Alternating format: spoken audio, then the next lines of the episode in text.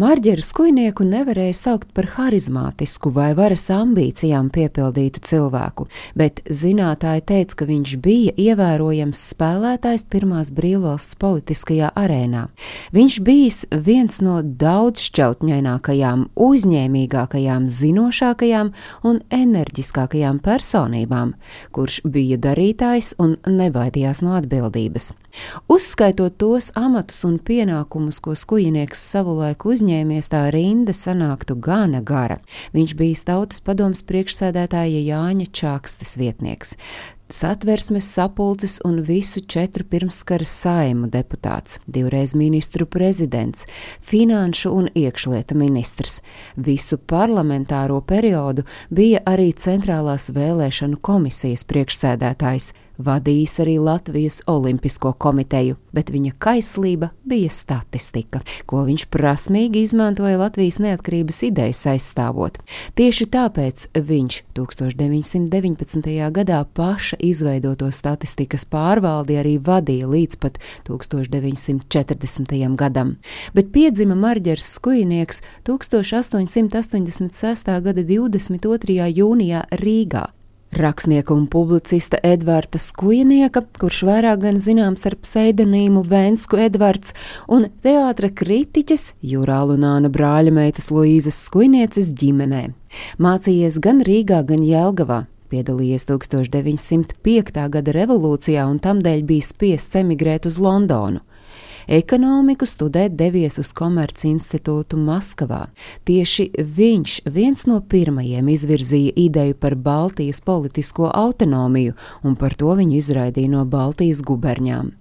Pirmā pasaules kara laikā skujinieks organizēja latviešu bēgļu apgādāšanas centrāla komitejas statistikas nodaļu, kas apliecina, ka statistikai viņa mūžā bija nozīmīga loma. Iespējams, tieši tāpēc viņu sauc par valsts vīru ar statistiķa aicinājumu.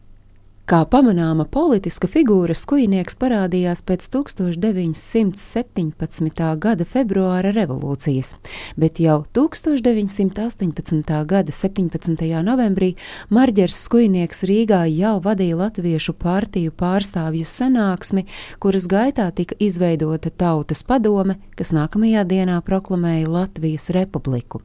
Vēsturnieki norāda, ka Skujniekam nācies būt par premjeru laikā, kad Latvijas smagi skāra pasaules ekonomiskā krīze, proti laikā no 1931. līdz 1933. gadam, un zināms, ka vadīt valsti ekonomiskās krīzes laikā ir visnotaļ nepateicīgs darbs. Skujnieks bija spiests darboties krīzes viskritiskākajā punktā. Zīmīgi, ka 30. gadu sākumā, laikā, kad Eiropā auga vilšanās demokrātijā un notika valsts apvērsumi, arī skujniekam dzima līdzi līdzīga ideja. Viņa domu biedri bija sociāldemokrāts Fēliks Cielēns, ģenerālis Jānis Balodis, pulkveži Rudolfs Klinsons un Jānis Indāns un vēl daži cilvēki, kuriem tuva bija ideja par gatavību uzstāties kopā ar armijas vienībām pārņemot varu. Skujnieks pieprasīja, lai šī grupa vispirms izdarītu militāru apvērsumu un tad piedāvātu ministru prezidenta posteni viņam. Tomēr vairākums potenciālā apvērsuma dalībnieku no idejas atteicās. Savu lomu skujnieks nospēlēja Ulmaņa 15. māja apvērsumā. Apvērsuma naktī viņš uzturējās apvērsuma štābā, tagadējā ārlietu ministrijas ēkā kopā ar Alfredu Bērziņu, Vilhelmu Munteru, Jāni Balodi un Kārli Ulmani. Viņš kļuva par ministru prezidenta biedru bez tiešiem pienākumiem valdībā, kaut vēlējies saņemt iekšlietu vai tieslietu ministra amatu.